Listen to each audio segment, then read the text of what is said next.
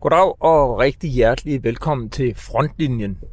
Vi øh, sender fra et utraditionelt sted. Lige nu øh, vi er ved at køre ombord på færgen til Strynø. Og jeg sidder her øh, i Lars Christian Lilleholst bil. Han er ny forsvarsordfører for Venstre.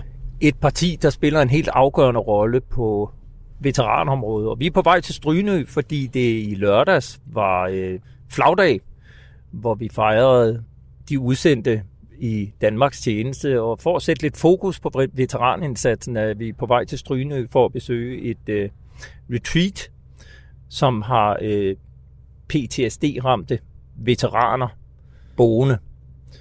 Hele området med veteraner har været en del i fokus, og senest her i øh, august måned udgav Forsvarets Veterancenter en evaluering af Danmarks indsats på området med en del interessante perspektiver. Og samtidig offentliggjorde forsvarsminister Trine Bramsen, at øh, kredsen bag forsvarsforlidet skal bruge yderligere 50 millioner kroner mere på området de kommende tre år. Og Lars Christian Lilleholdt, nu er vi på vej over til Strynø, men her, som vi lige er kommet ombord på færgen, så kunne jeg egentlig bare godt tænke mig helt kort at spørge dig. Mener du, at vi med den indsats, vi gør for veteranerne i øjeblikket, er nået til et niveau, som man kan sige, vi kan være bekendt over for veteranerne? Gør vi nok? Vi gør ikke nok. Vi er, er nødt til at, at løbende og gøre endnu mere. Evalueringen af veteranindsatsen viser jo, at især i forhold til de mest sårbare, psykisk sårbare, veteraner, der er ramt af PTSD, at der er der øh, stadigvæk en, en meget, meget stor udfordring. Og det har jeg meget fokus på. Det vil jeg have som forsvarsordfører, hvordan vi får gjort noget mere, ikke mindst i forhold til den gruppe. Øh, men der er øh, indsatser, som virker. Der er jo en række foreninger, organisationer osv., som gør en, en ganske flot og imponerende indsats. Men når vi sender øh, unge mennesker øh, i krig, når vi sender øh, danske drenge og danske piger ud, så har vi også en forpligtelse til at sikre, når de kommer hjem, at så den gruppe, som er sårbare, som bærer øh, traumer, øh, krigstraumer med hjem, øh, som har øh, udfordringer i forhold til at få, få tilværelsen til at hænge sammen, at så har vi som politikere en kæmpe forpligtelse til at, at sikre dem de bedst mulige forhold. Det får mig til at tænke på, når I sidder dernede i Folketingssalen. Altså, du har jo selv været med til at stemme for krigene. Tænker du på, at når du trykker på den lille grønne knap, at så kan det have konsekvenser, der fører til det, vi faktisk går og besøger nu? Ja, og øh, derfor er det også nogle af de sværeste afstemninger, man som folketingsmedlem kan deltage i. Man ved her, der, der er mennesker, det får menneskelige konsekvenser. Øh, der er unge øh, drenge og piger, der skal øh, sendes ud. Der er soldater, der sendes ud og, og det kan have fatale følger. Det har vi også oplevet som land. Der er soldater, øh, der ikke kom hjem, øh, eller som ikke er kommet levende hjem. Øh, der er soldater, der er kommet hjem med, med store konsekvenser for deres fortsatte tilværelse, og som bærer men for nogens vedkommende desværre for, for resten af livet. Og det har man som folketingsmedlem, når man sidder og trykker på knappen, så tænker man, så har man også helt klart de tanker. Der er mange, der er mange afstemninger, man kan sige, ja, men det er bare, betyder ikke noget. Det er et ændringsforslag, et tredje ændringsforslag til et eller andet, og så skal det ind i vedtages i Folketingssalen. Og så tænker man måske ikke så meget over det, fordi så tænker man, så er der nok en anden ordfører, eller en minister, der har styr på, at hvordan det her det hænger sammen, og det er forhandlet på plads. Men når man vælger øh, som land at sende unge mennesker ud og gøre en international indsats, krig øh, og, og i det hele taget og vare og, og kæmpe for fred og frihed i verden, så, er det, så, så har man, så gør man sådan til en overvejelse. Og du lytter altså til Frontlinjen. Mit navn er Peter Ernst ved Rasmussen. Velkommen til.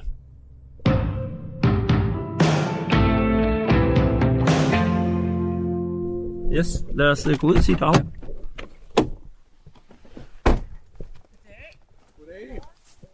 Ej, det er dejligt. Ja.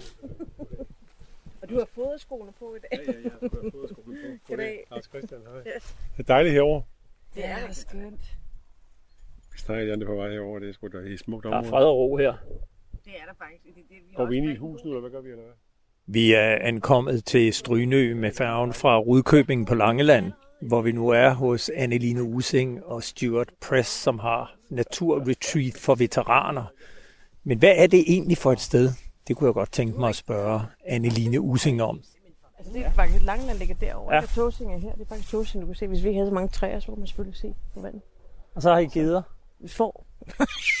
Nå, det er får. Det, er jo, det kan jeg godt se. Det er ikke en ged, der står der. og så har vi nogle grise. Frilandsgrise. Nogle lidt specielle nogen. Og så har vi høns og ænder heroppe. Og tre ponyer. Vi står nærmest i sådan en lille lund. Ja, det gør vi. Med, Med nogle, øh, lidt fritstående træer, hist og pist. Og så er der nogle vogne. der er nogle øh, tyske skovarbejdervogne, som vi fik modificeret. så det dem, de bor i? Ja, det er okay. I forskellige klarfarver. Altså ideen var jo at lave sådan et eller andet luksus øh, retreat bed and breakfast, så jeg kunne være hjemme, som en, eftersom en mand ikke ligesom kunne bare være herhjemme ja. selv ungerne. Og så tænkte jeg, han kan sgu ikke være omkring ganske almindelige mennesker, og så var der også nogle veteraner, der trængte til at komme på landet, og nogle koner, der trængte til, at deres mænd kom på landet. Ja. Og så blev det det. Ja, fortæl lige, hvad, hvor- hvor længe har I eksisteret? Hvad... Øh, vi har arbejdet på selve tiltaget til at lave sådan et retreat for veteraner. Det har vi arbejdet på siden 10. Og dengang øh, kontaktede jeg blandt andet øh, Region Syddanmark, som var sådan, uh, vi sidder faktisk og skriver lidt på nogle ting, men vi, altså, vi er langt forud for, hvad vi overhovedet har tænkt. Så det endte med, med, i stedet for at så de idéer, vi havde med, at det var faktisk sundt for sjælen at komme ud i naturen og få noget ro, og faktisk komme væk fra hjemmet, når man, når man har det så skidt, som, som dem, der kommer her har det. Øhm, at vi lavede et øh, pilotprojekt i Skotland i stedet for. Blev inviteret over til sådan noget brainstorming faktisk på øh, Clarence House med øh, Prince of Wales, og så nogle andre hoveder. Jeg var den eneste udlænding, og så endte det så med, at øh, jeg blev inviteret op på et gods og lavede et pilotprojekt deroppe oppe i Skotland. Og så gjorde vi det. Og så var det, at øh, Velusfonden sagde, jamen, øh, lad os da prøve at, at lave et tilsvarende pilotprojekt i Danmark. Og så gjorde vi det i 13. Eller vi fik midlerne der omkring årsskiftet 12-13 fra Velusfonden. Og så, øh, ja, så var det egentlig bare meningen, det skulle være sådan en gang om måneden. Vi havde åbnet en uge, hvor folk kunne komme og så videre. Så endte det jo så med, at folk blev her i meget, meget længere tid, fordi at, deres problemer var mere massive. Nogle var reelt hjemløse, andre havde misbrugsproblemer og så videre, så videre. Og så øhm, var der en kommune på et tidspunkt, der, der var en gut, der skulle øh, afzone en fodlænkedom hernede, fordi han havde ikke noget hjem, og hvor skulle man så ellers gøre det? Og så siger den der kommunedame til mig, at det ville være meget nemmere, hvis det var et botilbud. Og så er jeg sådan lidt, nå, hvad, hvad indebærer det? Og det var så i 14, vi begyndte at arbejde på det. Jeg tænkte, det, det, øh, så læste jeg alle paragraferne igennem, og så tænkte jeg, det skal være et paragraf 110, hvor man kan komme fra dag til dag. Altså, for man skal ikke... Hvis det er gået op i hat og briller derhjemme, så skal det ikke være om seks måneder eller et eller andet, så skal det være nu. Øh, og det kan man med en paragraf 110. Og så, øh, så blev det et paragraf 110, som blev Og hvad er det for godkendt. en lov, du er i? Det, der er vi under øh, socialloven, altså okay. socialtilsynsloven. Ja. Øhm, og øh, hvad hedder det? Og så skulle der selvfølgelig laves nogle, nogle lidt, lidt, der var lige lidt nogle bedre faciliteter, der skulle til. Der skulle en køkkenvogn til, og ja, andre, andre ting. Og der, der gik øh, forsvaret så faktisk ind og, og øh, kom med en bevilling på øh, et par millioner for at opgradere de faciliteter, så vi kunne blive godkendt som botilbud. Og det blev vi så øh, i, som de første i Danmark. Det første fuldt godkendte botilbud for, kun, for veteraner i slutningen af 2016. Og så er det sådan set kørt lige siden. Og så har I haft seks pladser. Vi har hele tiden haft seks pladser, ja. Det har vi. Altså i starten vil jeg så sige, i starten der, der havde vi jo ikke de her vogne, og i starten der, øh, ja, så var det bare gæsteværelset og del badeværelse med de her gutter, og så var det lidt senere, altså det er sådan Murphys lov, alt hvad der kunne gå galt, er gået galt i forhold til, øh, ja, at vi havde fået tilladelse, men fordi der er gået så lang tid til tilladelsen til at sætte vognene op, men fordi der var gået så lang tid, så blev øh, embedsmændene i kommunen i tvivl og tog tilladelsen tilbage, og så skulle vi, altså du ved, ja, og så, øh, så faktisk også ved årsskiftet øh, 16, mellem 16 og 17 besluttede vi på et bestyrelsesmøde, at vi ville arbejde målrettet hen mod et decideret rehabiliteringscenter, fordi det er det, vi gør. Men vi har bare ikke lige pt. de allerbedste faciliteter til det. Så det er der, hvor vi er i dag. Altså nu står du herude, og det er en smuk solskinsfyldt dag, og kigger ud over markerne, men altså, der er jo også tider på året, hvor, hvor det er lidt mere klamt og barst og koldt og vind og mudder og ting og sager. Der ville det være fantastisk, øh, som vi har planlagt over på den anden ejendom her, at have nogle indendørs faciliteter, nogle værksteder, nogle, øh, ja, sådan at alle ikke skal drible ud af, af jorden, når, når der er en eller anden behandling, og så skal vi spise det andet også bagefter, og så videre, så videre. Så det, det vil være, øh, det, er, det er visionen i hvert fald. Og fortæl lige, hvem er det, der bor her? Øh, lige nu har vi, øh, jamen der er fuldt hus, øh, og der er øh, to, som er sådan rene Balkan-veteraner. Øh, så er der to, som er øh, rene Afghanistan-veteraner, og så er der to, som har været både på Balkan og øh, Irak og Afghanistan. Øh. Og hvis du sådan ser på de sidste så fire ja. år ja. med dem, I har haft, har det virket? Hvordan er det gået? Jamen det er faktisk øh, overvejende gået rigtig godt, og det er jo ikke kun noget, jeg siger, det er også noget Socialtilsynet og selv Socialstyrelsen siger, at andre steder kan faktisk lære noget af os, fordi at vi har et, øh, en tilgang til det, der hedder, at man skal tage øh, ansvar og ejerskab for, øh, for sin egen øh, rehabilitering. Og det gør selvfølgelig, at det er noget, der i højere grad holder på, på langbane, i stedet for at der er nogen, der futter rundt og køler om en. Øh, der er nogen, der bruger det begreb, der hedder Tivoli-pædagogik, hvor man sådan skal underholde folk. det er så ikke det, vi bruger her. Det er måske mere sådan konsekvenspædagogik, at det har selvfølgelig nogle konsekvenser, når du gør det ene og det andet.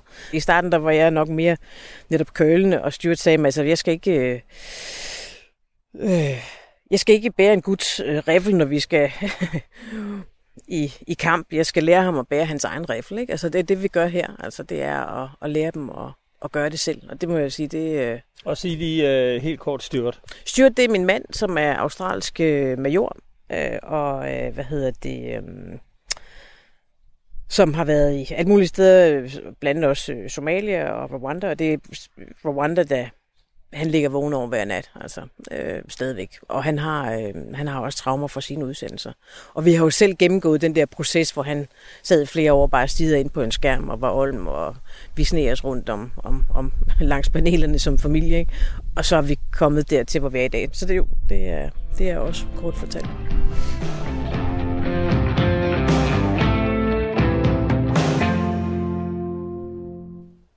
Klokken har passeret ni, og her på retreatet, der har veteranerne forskellige opgaver. Jeg har fået lov at gå med Thomas ud og fodre grise.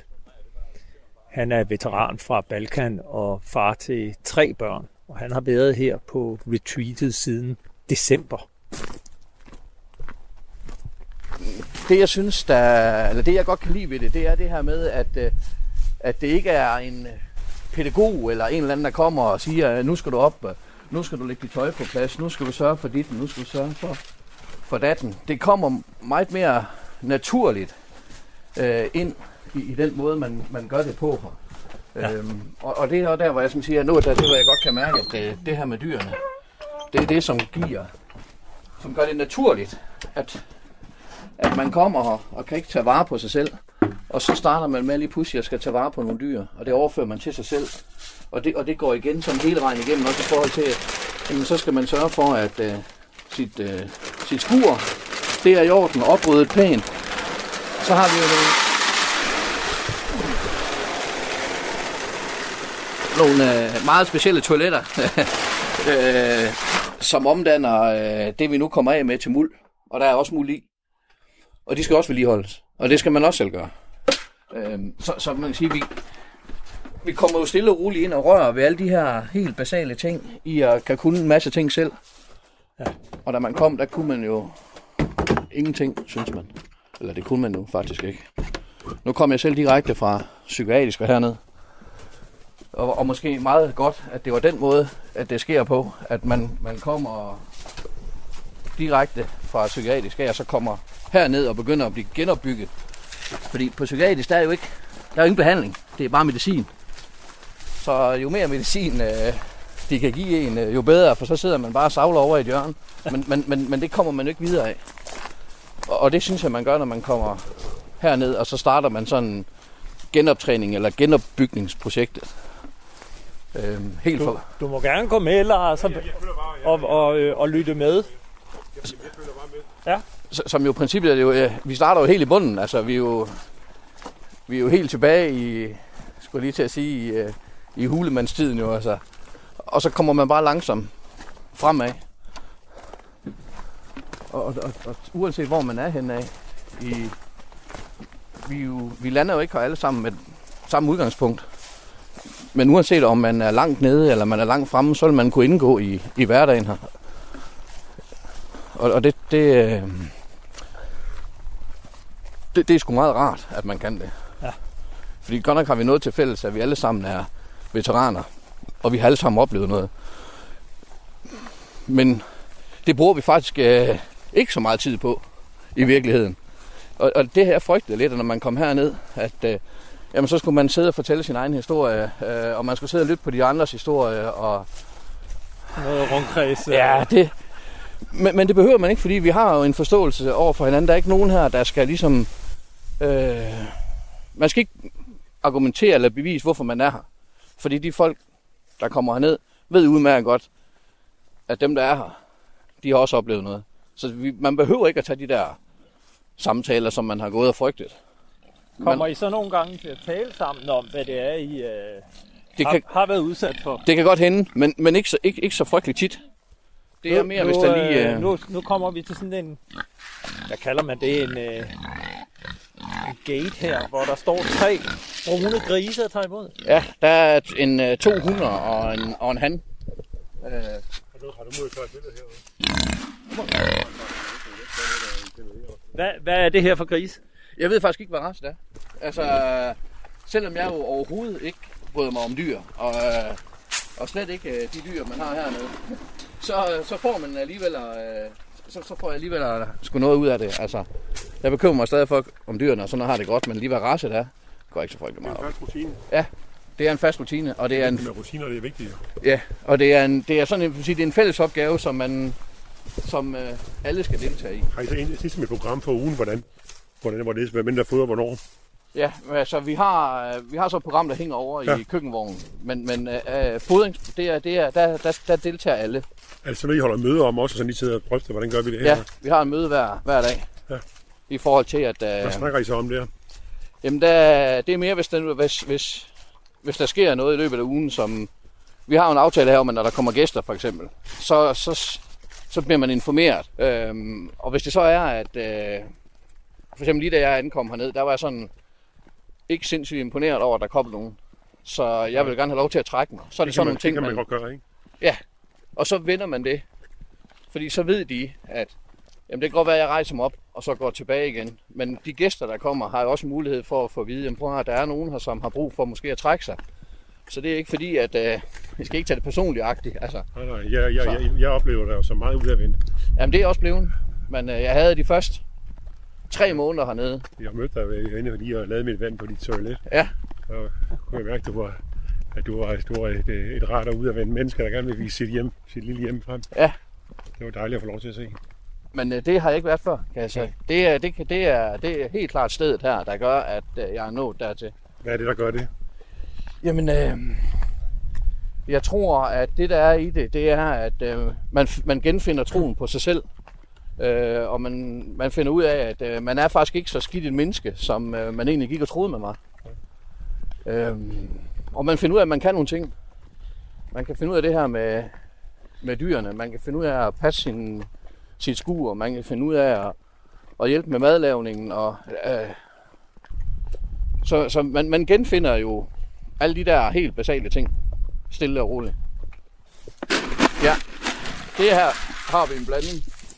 Og det er så de store ris. Og han, Pumba der, han, jeg tror, han har simpelthen, man kan bare se hans øh, tænder.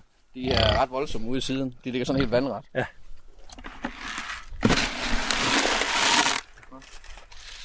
Du vil gerne have noget mad, det er så også i orden. Det var det med fodret. Ja. Så kan vi jo bare gå tilbage, og så kan vi lige sætte os et sted, så hører vi lige om din... Øh... Ja. Og, og fortæl din baggrund som veteran. Du har været på Balkan. Jeg var på Balkan, er i øh, 94-95 på øh, hold 6 og 7 i Kroatien. i Kroatien. ja. Altså, øh, kommuniet, det her Delta kommuniet, og lå i den, det, man kaldte Krajina på det tidspunkt. Ja.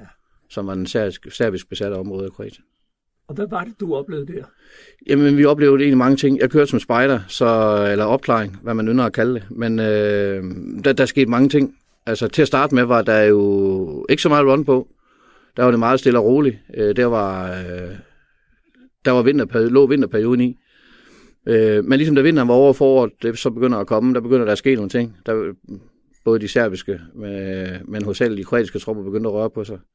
Så der kom en masse øh, ting, opgaver i, i, i den tid, der så kom frem til august. Så, øh, og det var der, hvor øh, kroaterne øh, iværksatte Operation Storm. Ja, det gjorde de i august, ja. Og, og, og hvad gik den ud? Altså, de ville have øh, deres de ville have landet, tilbage. De, de gjorde det to omgange, for de var, altså, der, dernede, der ligger der nogle floder, som sådan har været som sige, nogle naturlige skillelinjer i, i forhold til, til krigen dernede. Men et sted, der var de øh, øh, Savafloden, som går tværs igennem øh, Kroatien. Øh, der var serberne dengang gået op til, til den, men et sted havde de gået over det der punkt. Og det tog kroaterne først inden selve Operation Storm, der, der, der tog de den del, så vi fik det sådan lidt af, af to omgange, kan man sige. Og hvad var det, I fik? Jamen, det var jo øh, angreb fra kroaterne, som, som startede deres offensiv med først at tage et lille stykke tilbage, hvor så de i august tog resten. Så øh, vi blev og... fanget i alt, lige fra øh, morterstorm fra både den ene og den anden side. Øh, aggressive soldater, øh, angreb på lejren og på, på posterne, som jo lå i vejen. Så... Og i mange år, der var det ikke noget, du tænkte over, eller hvad? Lad os bare sige, at øh, jo, det var det, men øh, jeg, jeg sagde til mig selv, noget pjat. Jeg sagde til mig selv, at øh, du har ikke, øh, du fejler ikke noget, du har ikke noget med hjem fra derfra. Øh, så, så det var sådan lidt det, der gik igen hver gang, at der dukkede noget op i mig, og det gjorde det øh, tid og jævnligt og, og næsten hele tiden. Men jeg bildte mig selv hver eneste gang ind, at øh, det her, det er bare noget pjat. Og, og, og, og det, det, som, det, som jeg så fandt ud af, det var, at øh, jo mere jeg kunne arbejde, jo færre øh, flashback havde jeg, jo mindre mareridt havde jeg. Øh, hvis jeg havde det skidt, så, øh, så forsøgte jeg simpelthen at arbejde det væk. Og, og jeg vil tro, at nogle af de folk, jeg har arbejdet sammen med, synes jeg var fantastisk, fordi at, øh, jeg tog altid selv lorteopgaverne. Øh, fordi det var der mest kød på jo. Så kunne de andre få de nemme opgaver. Øh, og det, øh, det gik jo også meget fint, indtil jeg begynder at, at, at miste mig selv igen. Øh, mister job, får nyt job, øh, klør på igen, indtil jeg mister mig selv igen, mister job, og så, så kører det indtil her i december måned sidste år, hvor så lukker, så, så er det slut, så kan jeg ikke mere. Når du siger, det er slut, du kan ikke mere, hvad er det, du Jamen altså, jeg har flere gange undervejs øh, været der, hvor jeg tænkte, det var bedre, at jeg ikke var her. Øh, og været, været øh, derhen, hvor jeg tænkte, det var nemmere at tage mit eget liv og også forsøgt på det. Og i december sidste år, der var, der var vi så tæt på, at, øh, at det skræmte mig så meget, at jeg tænkte, at øh, nu, øh, nu er jeg nødt til at gøre noget. For øh, hvis, du, hvis du fortsætter, så, så, øh, så næste gang, så er der ikke nogen, der kan stoppe dig. Så, så jeg, jeg blev overrasket og, og egentlig bange. Øhm, og så øh, i løbet af ikke ret lang tid, så, øh, så er jeg indlagt, øhm, og så ligger jeg der. Øhm, stærkt medicineret. Er fint til at starte med, fordi der bliver lukket fuldstændig ned. Altså både krop og, og hoved får i ro. Øhm, men men der, er ikke, der er ikke noget behandling i det. Og, og hvad har det betydet for dig, at du er kommet herned? Jamen det, der har betydet for mig at komme herned, det er, at øh, jeg er nået til et punkt i dag, hvor jeg kan tage vare på mig selv.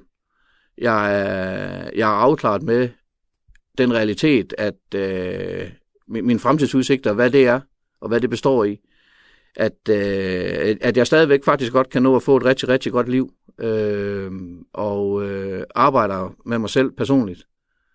Øh, det, der så er det, den største kamel at sluge, det er, at øh, det er med at indse, at øh, det der med at arbejde, øh, samtidig med, at øh, jeg, jeg har PTSD, de to ting kommer ikke til at gå hånd i hånd.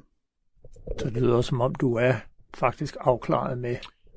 Jeg er afklaret, men det der med at acceptere den, den er fandme svær, når man er vokset op i en håndværkerfamilie, hvor øh, at øh, det vigtigste, det var at stå op om morgenen og tage på arbejde. Altså, og øh, uanset hvad, om man var kommet til skade, øh, øh, skåret fingeren halv af, altså, så er jeg opvokset med en far, der bare fandt et eller andet, og så pakkede han det ind. Det behøver ikke engang være plads der. Altså, han tog bare en klud eller et eller andet, og så tog han på arbejde. Og, og, og, og, og det er også den holdning, jeg selv har. Øh, dybt inden i mig selv, det er uanset hvor syg og dårlig du er, så møder man sgu op på arbejde. Og, øh, og så kan man altid tage hjem. Men så har man da i hvert fald vist, at man vil det. Og det har jeg levet efter i mange år. Så det er svært lige pludselig at skal, skal sådan helt æde den der 100% med, at det er, altså sådan, det er sådan, det er. Ja, tusind tak til dig, Thomas Walter, for at fortælle din historie.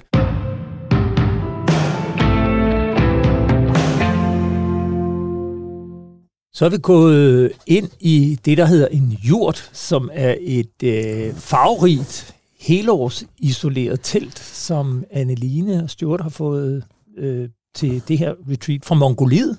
Mm. Og vi sidder faktisk ved et stort trappeord. Det er lidt som at sidde i et lydstudie, hvor lyden er ganske tæt. Og jeg sidder her nu med Lars Christian Lilleholdt, forsvarsordfører for Venstre, og Anneline Using, der driver det her veteran-retreat på Strynø. Natur-retreat for veteraner, som det hedder. Og øh, jeg vil gerne diskutere med jer. Der er jo kommet denne her rapport i øh, august måned, som Forsvarsministeriet har lavet, der analyserer hele veteranområdet. Og på baggrund af den har forsvarsministeren og partierne bag forsvarsforlidet tilført yderligere 50 millioner kroner til området over de næste tre år. Og jeg kunne godt tænke mig at spørge jer, hvordan skal de penge bruges? Lars Christian Lilleholdt. Jeg synes, når man kigger på, på evalueringen af veteranindsatsen, så siger den jo meget, meget tydeligt, at øh, der, hvor der er brug for den største indsats, og der, hvor der virkelig mangler noget, det er for de mest udsatte. Det er for dem, som har kommet hjem med PTSD, som har øh, kraftige eftervirkninger øh, psykisk. At der øh, halter indsatsen for nuværende. Så når jeg går til de her forhandlinger om, at de bruger de 50 millioner kroner, så vil jeg sige, at det er her, vi er nødt til at sætte øh, massivt ind og bruge en væsentlig del af de her penge. Det siger rapporten øh, tydeligt, og jeg synes også, at mit besøg her på Stryne i dag, det viser, at øh, det er her, hvor der er fortsat at bruge for en stor indsats. Man må sige, når veteranen kommer hjem, mange klarer sig jo ganske det må kommer videre i tilværelsen, men der er jo stadigvæk en, en gruppe, hvor der er et kolossalt efterslæb på. Og det vil være min øh, holdning, at øh, vi skal bruge en stor del af de her penge på, på den gruppe. Anneline, du har drevet det her retreat siden 2013. Hvad ser du? Hvordan kan man bruge 50 millioner kroner yderligere på veteranområdet bedst muligt? Man kan sige, at det her sted, det, det er sådan et sted, hvor, hvor folk sidst kommer, når, når de virkelig, virkelig er hårdt ramt. Og det kunne være fantastisk, hvis man kunne vende lidt på hovedet og sige, at øh, måske skulle man sætte den her massive indsats ind, eller i hvert fald som mulighed, allerede i starten øh, så folk kommer, før de mister jobbet, før de mister øh, familien, øh, før det går ud over deres omgivelser. Så jeg er faktisk øh, meget, øh, lige ved at blive lidt rørt, da Lars Christian Lillehold siger det, fordi det, det er jo, altså, fordi det er vigtigt, at det er det hårdest ramte, der får, og også dem, der får, så de ikke bliver, måske kunne man undgå, at de blev så hårdt ramt, hvis man satte tidligere ind. Øhm, og der kan man så sige, at når man lige kigger på, hvordan de er udmyndtet over de næste år, så, øh, så vil jeg sige, man godt, altså, jeg håber, man kan speede processen op på et eller andet plan, fordi at, øh, nu er der allerede fem af de millioner, der er afsat. Øh, næste år der er afsat 10 millioner sidste år, men fem af dem er allerede afsat til KFOM og DIF. Så der er 5 millioner næste år. Gør ikke en stor forskel, undskyld mig. men men øh, at man at der ikke skal gå tre år mere, før at der sker noget rehabiliteringsmæssigt det må godt være allerede nu, fordi at, at om tre år, så er der flere mænd, der er gået bort. Der er flere familier, der er gået fra hinanden. Der er flere kvinder, der er gået ned i sygemelding, og børn, der er blevet traumatiseret af deres fars traumer. Så, øh... Nu siger begge to, at det er et vigtigt sted at sætte mm. ind her. Øh, jeg synes jo, det er jo lidt interessant, når man så taler med Thomas, som vi lige har talt med, som bor her, som jo fortæller, hvordan han har ligesom skubbet sin PTSD i baggrunden. Altså han har jo ikke været den, der er gået selv ind og sagt, jeg har brug for det. Han skulle presses helt ud, før at det gik galt. Hvordan sikrer man sig, at man fanger de hårdest ramte tidligere, inden at de knækker helt ned? Der synes jeg jo med, med det, som jeg har hørt her i dag, at der er der brug for at få, at få kigget på, om vi gør det på en rigtig måde. Altså den indsats, der ligger ude i kommunerne, hvor man jo oftest første gang i det sociale system øh, møder øh, de her øh, mennesker, at der er der brug for at, at, at få kigget på, om vi der gør det på den rigtige måde. Og især i forhold til at gøre opmærksom på de tilbud, der er. Det kan, jeg synes, det lyder sådan lidt øh, forunderligt måske, at det i virkeligheden er at veteranen selv, der går i gang med at bladre og skal prøve at finde ud af, hvor, kan jeg, hvor, hvor ligger der noget, der passer til mig. Fordi også det, som jeg både har hørt her i dag, men også når jeg har mødt andre veteraner, det er, at veteraner er jo ligesom alle mulige andre mennesker meget, meget forskellige. Og har jo også forskellige behov og øh, forskellige ressourcer. Og der er det jo ret vigtigt, at de tilbud, der kommer, og der hvor man, han nær sagt, de tilbud, man, man, man, man får, at det så også passer til en. Og at man ikke måske, at der har, der, der tror jeg, øh, at min fornemmelse, at det er noget, vi skal kigge på, om vi der er organiseret på den rigtige måde kommunalt i forhold til, at man så også har den nødvendige viden i forhold til at kunne finde den, den rigtige øh, løsning. Fordi at, øh, som det også blev sagt her, øh, det er jo forfærdeligt, når det er sådan, at man kommer i et forkert tilbud, øh, og der går det ene år efter det andet, og øh, man løber rigtig, rigtig, ikke, måske ikke bare surt i det, men det kan gå katastrofalt galt.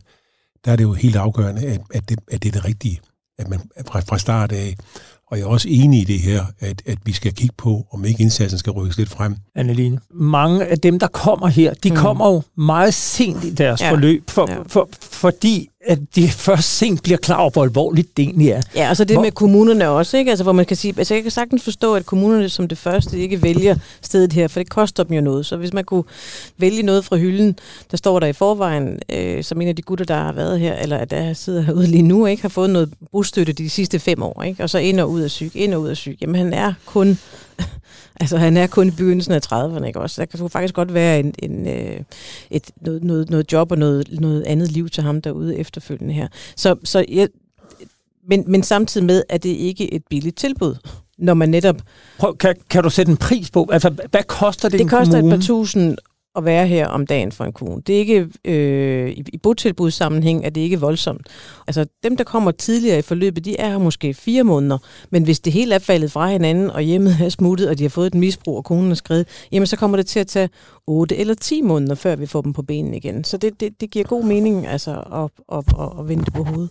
Nu lyder det faktisk som om, I er ret enige ja, det om, lidt, at der skal gøres noget på det her område, og det er også godt må speedes op. Mm. Hvad mangler for, at det kan gå i gang? Nu er vi jo heldigvis, kan man sige, det er jo en del af forsvarsforliget, der er afsat de her 50 millioner kroner øh, ekstra. Det er jo en begyndelse. Penge er jo, er jo også en mm. forudsætning for at få for, for, for mange ting til at, at fungere. Og så er jeg sådan set også indstillet på, at vi kigger på, om hele indsatsen er den rigtige, eller om vi kan gøre tingene på en anden måde, om de penge, vi bruger nu, om vi kan kunne anvende dem på en bedre øh, og mere målrettet måde, end vi gør. Vi spreder jo relativt mange penge ud over, kan man sige, mange øh, forskellige aktiviteter, og, og meget af det er jo rigtig, rigtig øh, godt. Men også her kan det, kan det godt være, at man skal ind og kigge på, øh, er der noget af det, også på baggrund af det evaluering, der er gennemført fra veterancenteret, om, om, noget skulle, om man skulle omfordele nogle penge, gøre det på en anden måde. Det er vi sådan set, øh, det er jeg sådan set øh, positiv over for, og, og ikke bare kigge på, men også gøre noget ved. Altså, der vil jeg så sige, at, at Veterancentret har jo nogle fagligheder, som er enormt dygtige. Altså, jeg vil våge påstå, det er absolut det bedste sted med Og her skal vi lige sige, at Veterancentret er forsvarets ejet, som er statslige ja. penge, som er drevet på over forsvarsforlivet. Ja. Og som får, jeg tror, mellem 300 350 millioner om året. Ikke? Så det er jo også en slat. Men de har nogle rigtig dygtige øh, psykologer der, og nogle rigtig dygtige øh, socialrådgiver. Og en af de ting, som vi godt kunne forestille os i fremtiden, det er, at et, altså, vi har i forvejen som de eneste en, en øh, decideret samarbejdsaftale med dem, men at vi lægger rammerne og hus til, og aktiviteter og, og de andre ting, men det er faktisk dem, der leverer nogle af deres fagligheder ind til stedet her. Fordi i forhold til andre lande, så kan man sige, at det er lidt pudsigt, at man har et, et Veteran Affairs eller et Department of Veteran Affairs i Danmark, som kun dækker noget af Danmark. Og så har man de her andre højt specialiserede tilbud, som faktisk tilbyder noget, der er lidt anderledes øh, andre steder i landet. Altså det, det, det, det virker også sådan lidt skævt, kan man sige. Så der kan vi godt også vurdere på, er det, er det ikke faktisk forsvaret eller veterancenter, der burde levere over hele Danmark øh, best practice øh, i forhold til rehabilitering? Altså, jeg kunne godt tænke mig at høre dig, fordi det virker som om, at det her er det eneste af sin art, altså botilbud, hvor, hvor man kan komme ned og være fra uger til måneder. Og du siger, du har, I har seks pladser her. Mm. Jeg kunne godt tænke mig at spørge dig, hvordan har belægningen været på den? Og med dine erfaringer, er, er der behov for flere kalder man det ikke sengepladser, bo, bo, mm. bo, hvad hedder sådan noget, bo, yeah. bopladser ja. øh, på, øh, på landsplan. Altså er der behov for mere det her, eller er seks pladser på øh, årsbasis, er, er, er det nok, eller hvor står vi henne? Vi har allerede sammen øh, med, med, med Veterancentret for, for fire år siden under den daværende chef, Gitte Albinus, øh, kigget på, hvad, øh, hvad, hvad er der egentlig behov for. Og, og estimatet derfra for fire år siden var, at der i hvert fald mindst var, var brug for 20 pladser øh, året rundt hele tiden. Øhm, og lige nu, som du siger, det, der, er, der er fuldt hus nu, hvor vi har, har projiceret med øh, oppe her, den ejendom, vi har ved siden af, at der skulle være plads til mellem 15 og 20 øh, veteraner året rundt. Fordi nogle af dem også, hvad kan man sige, hvad kan man sige, kalde det tilbagefald, men så får du for eksempel, du bliver far, du har været her, det går egentlig godt, du bliver far, du bliver trigget på nogle punkter, du skal i jobprøvning, eller der er en anden krise i din situation, og så er det bedre, at du kommer herned og tager en uge, og lige for, for, bliver blevet fladet ud, i stedet for at det hele går op i hat og brille igen. Øhm, der er andre botilbud end vores. Men det er mere, øh, altså, og det er jo fint, der er noget for enhver, men det er mere traditionelt botilbud, hvor du ikke har aktiviteter, øh, men hvor du har tag over hovedet, og det er det. Så, så, så, så det er kombinationen af, altså, at, at du faktisk også laver noget, og du er omkring andre, så du ligesom får, får, får prøvet nogle af de der ting af, du tjekker, laver inde med din terapeut, det, det er i hvert fald det, som er anbefalingerne, også i rapporten der, hvor man siger specialiseret botilbud, med øh, in-house øh, hvad hedder det, behandling, øh, hvor der er også inddragelse af pårørende, og hvor du så har mulighed for at have din hund med, hvis det er. Der er en gut, der har sin kat med lige pt. øh, men, øh, men det er faktisk det, vi har gjort siden 2014.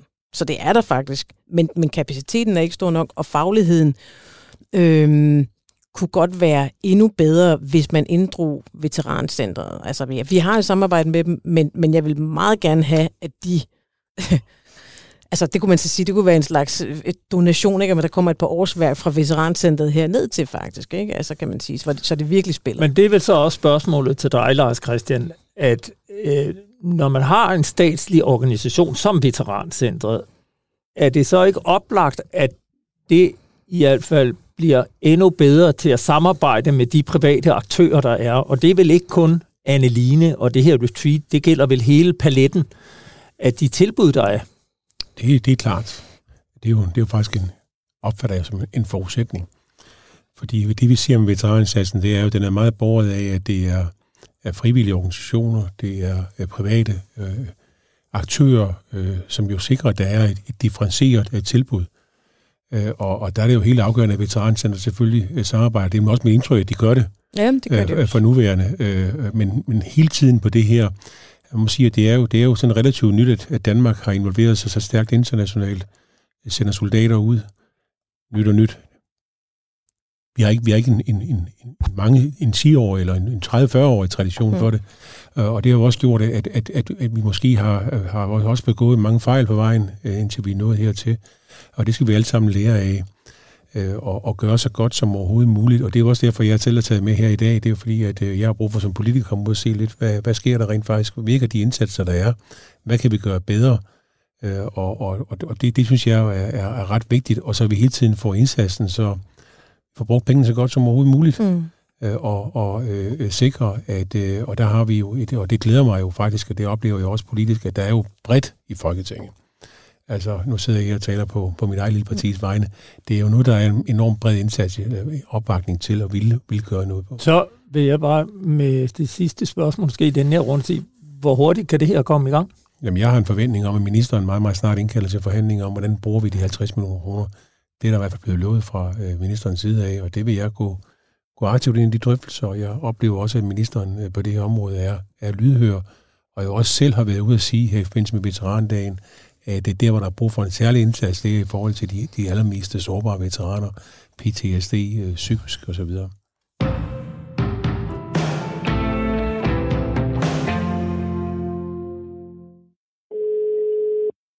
Det er Claus. Goddag, Claus. Det er Peter. Hej, Peter.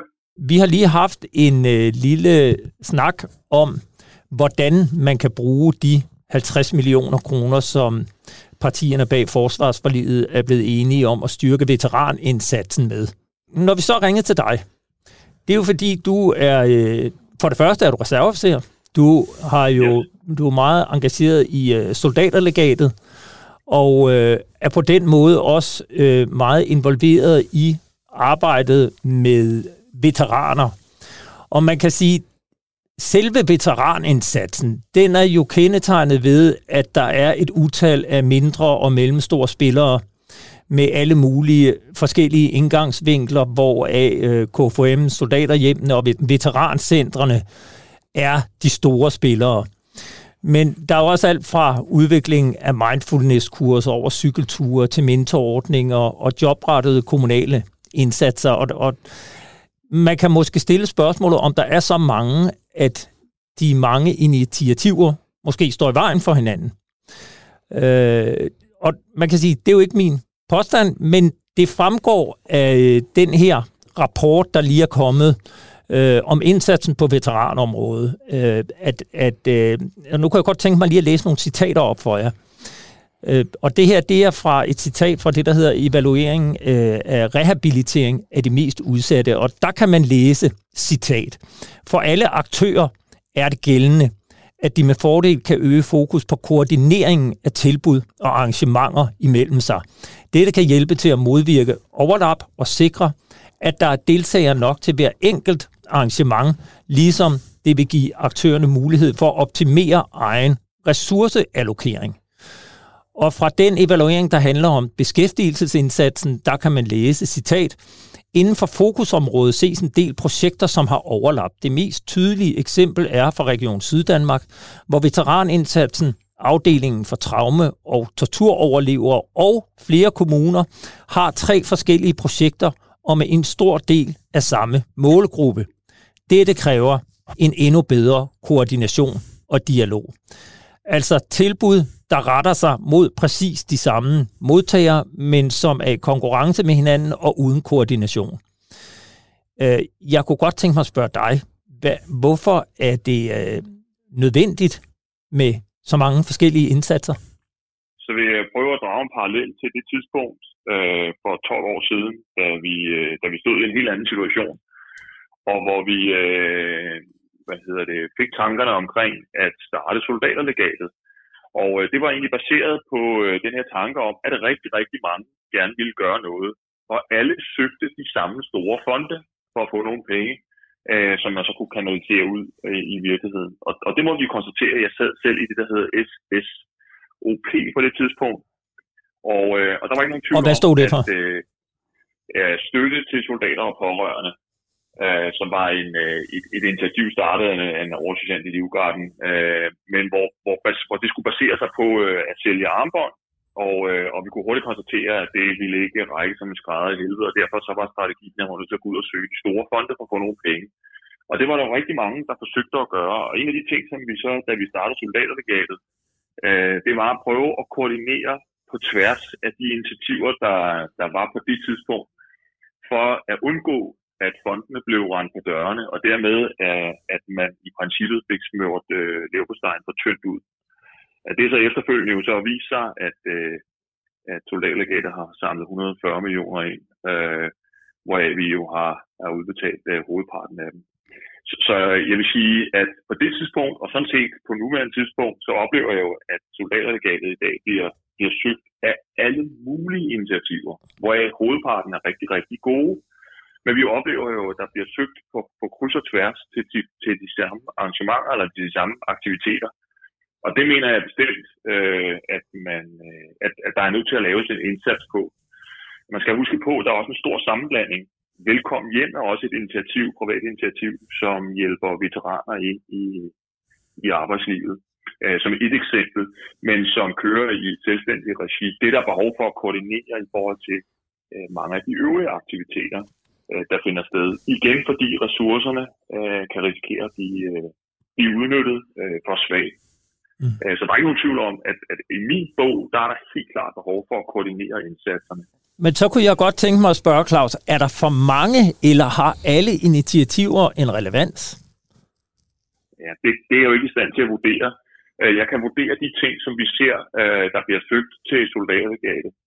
Og, øh, og der vil jeg jo sige, at der er jo hovedparten, der får, der får medhold, når vi kigger ordentligt på tingene, altså får nogle penge. Men der er selvfølgelig også nogle aktiviteter, som, som på forskellige vis ikke, ikke, ikke opfylder de kriterier, der skal til. Men, men igen, er det, det jo, handler jo rigtig meget om, at der, eksempelvis da, da soldaterlegatet blev etableret, der var vores vision jo den, at vi skulle jo gøre os, øh, vi skulle jo opløses på et tidspunkt, øh, når det offentlige har taget over på det ansvar, som, øh, som vi jo føler, at det enige folketing har sendt soldaterne i krig, og, øh, og så har vi ikke været så super gode til at samle op på dem bagefter. Det er blevet bedre med tiden.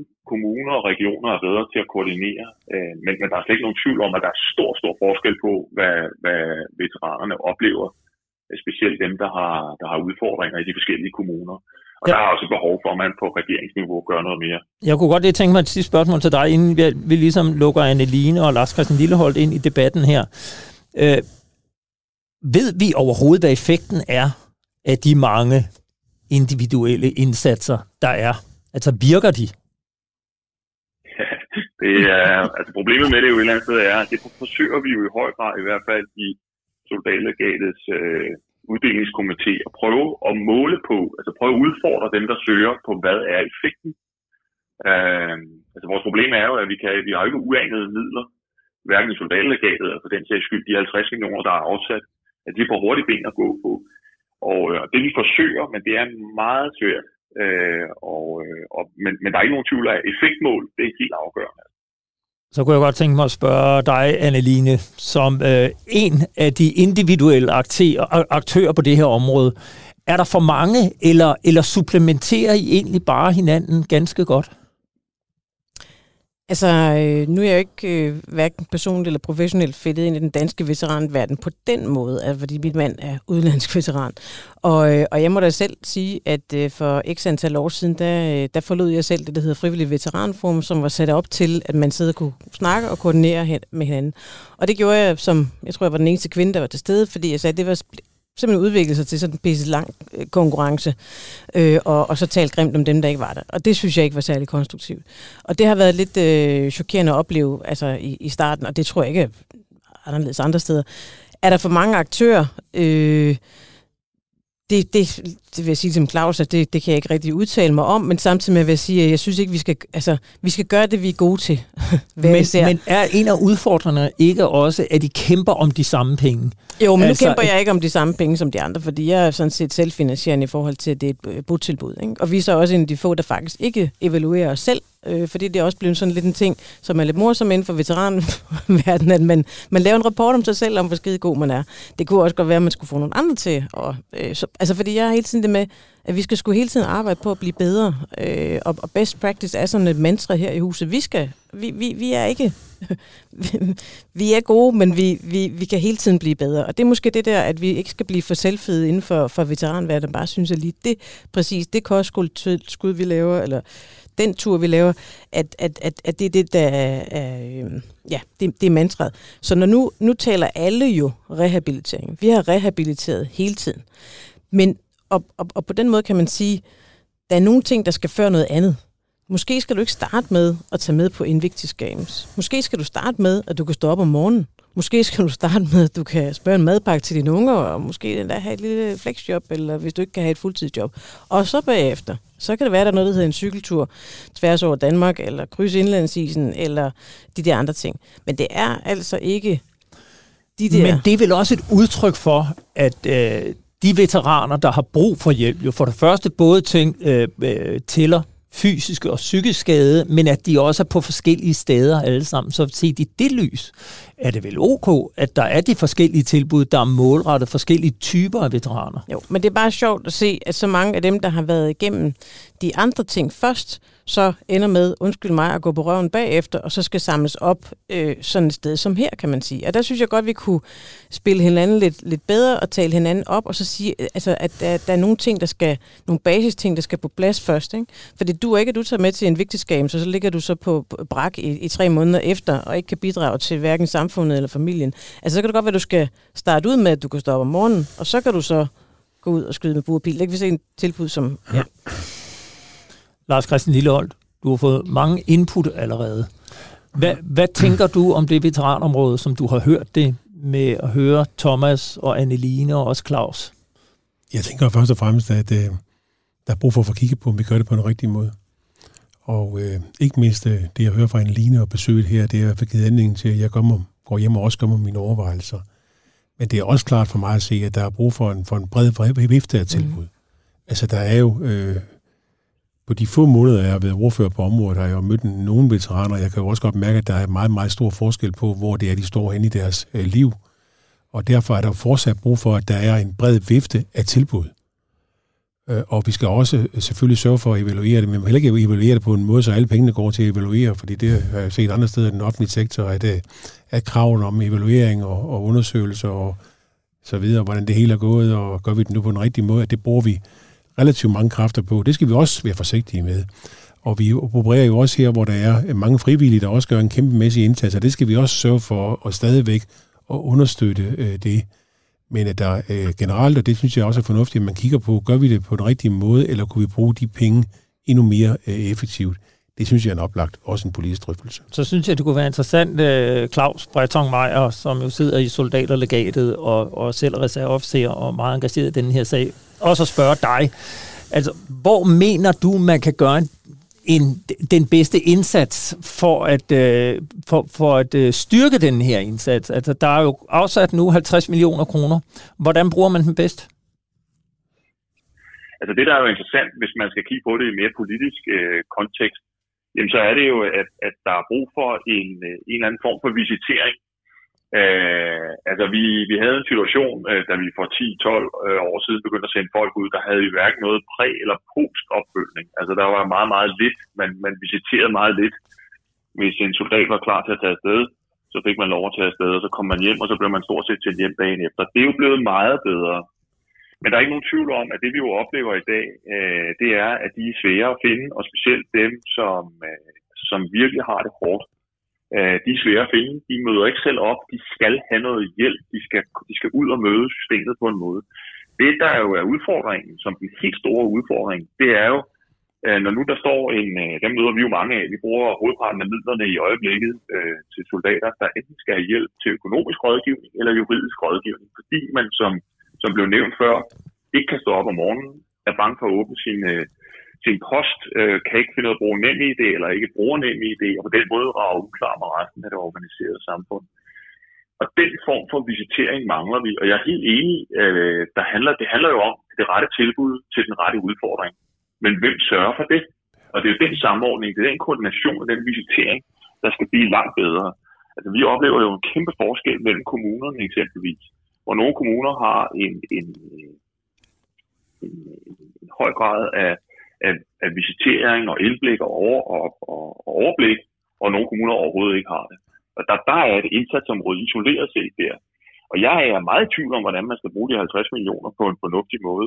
Øh, fordi det er jo i dag øh, det er ikke visiteret, det er ikke på nogen måde koordineret og styret, eller i hvert fald i lille grad. Men, men det vil sige, at du efterlyser i, altså i sidste ende en, øh, en, en at, skal, jeg forestiller mig lidt måske veterancentret eller hvad, altså en visitation, yeah. hvor, hvor, hvor, man, hvor man så også ligesom sender veteranerne ud i det projekt, der passer bedst til, til vedkommende på det sted, hvor han nu er.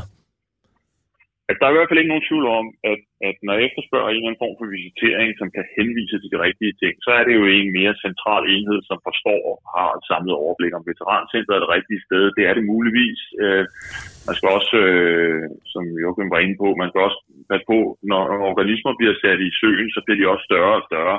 Og man skal bare sørge for, at, at pengene så bliver brugt på de rigtige ting. Øh, men, men, men, men grundvisiteringen er helt afgørende. Og det, det, det, det kunne man jo passende spørge Lars Christian Lilleholdt om. Grundvisiteringen. Er det noget, du vil tage med ind i forhandlingerne? Det vil, det vil jeg tage med ind i, i, i forhandlingerne, for jeg synes, det lyder som så noget, der skal kigges nærmere på, om, om det er, om vi skal kigge på en anden måde at visitere på.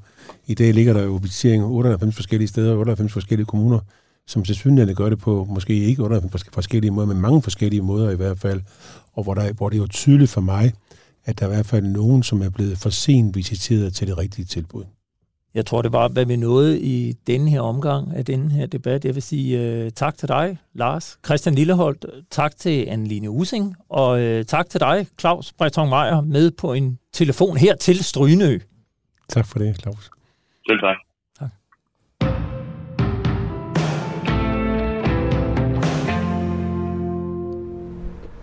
Så er vi øh, kommet ombord på Stryneøfærgen igen, og vi har kurs ret mod øh, Rudkøbing på Langeland ret fremme. Vi har øh, Tåsing mod nord og længere op Fyn. Og således slutter vi denne udgave af Frontlinjen. Tak fordi du lyttede med. Vi sender igen på næste tirsdag mellem 11.05 og 12. Vi glæder os til at høre, høre dig på linjen her. Tak for i dag.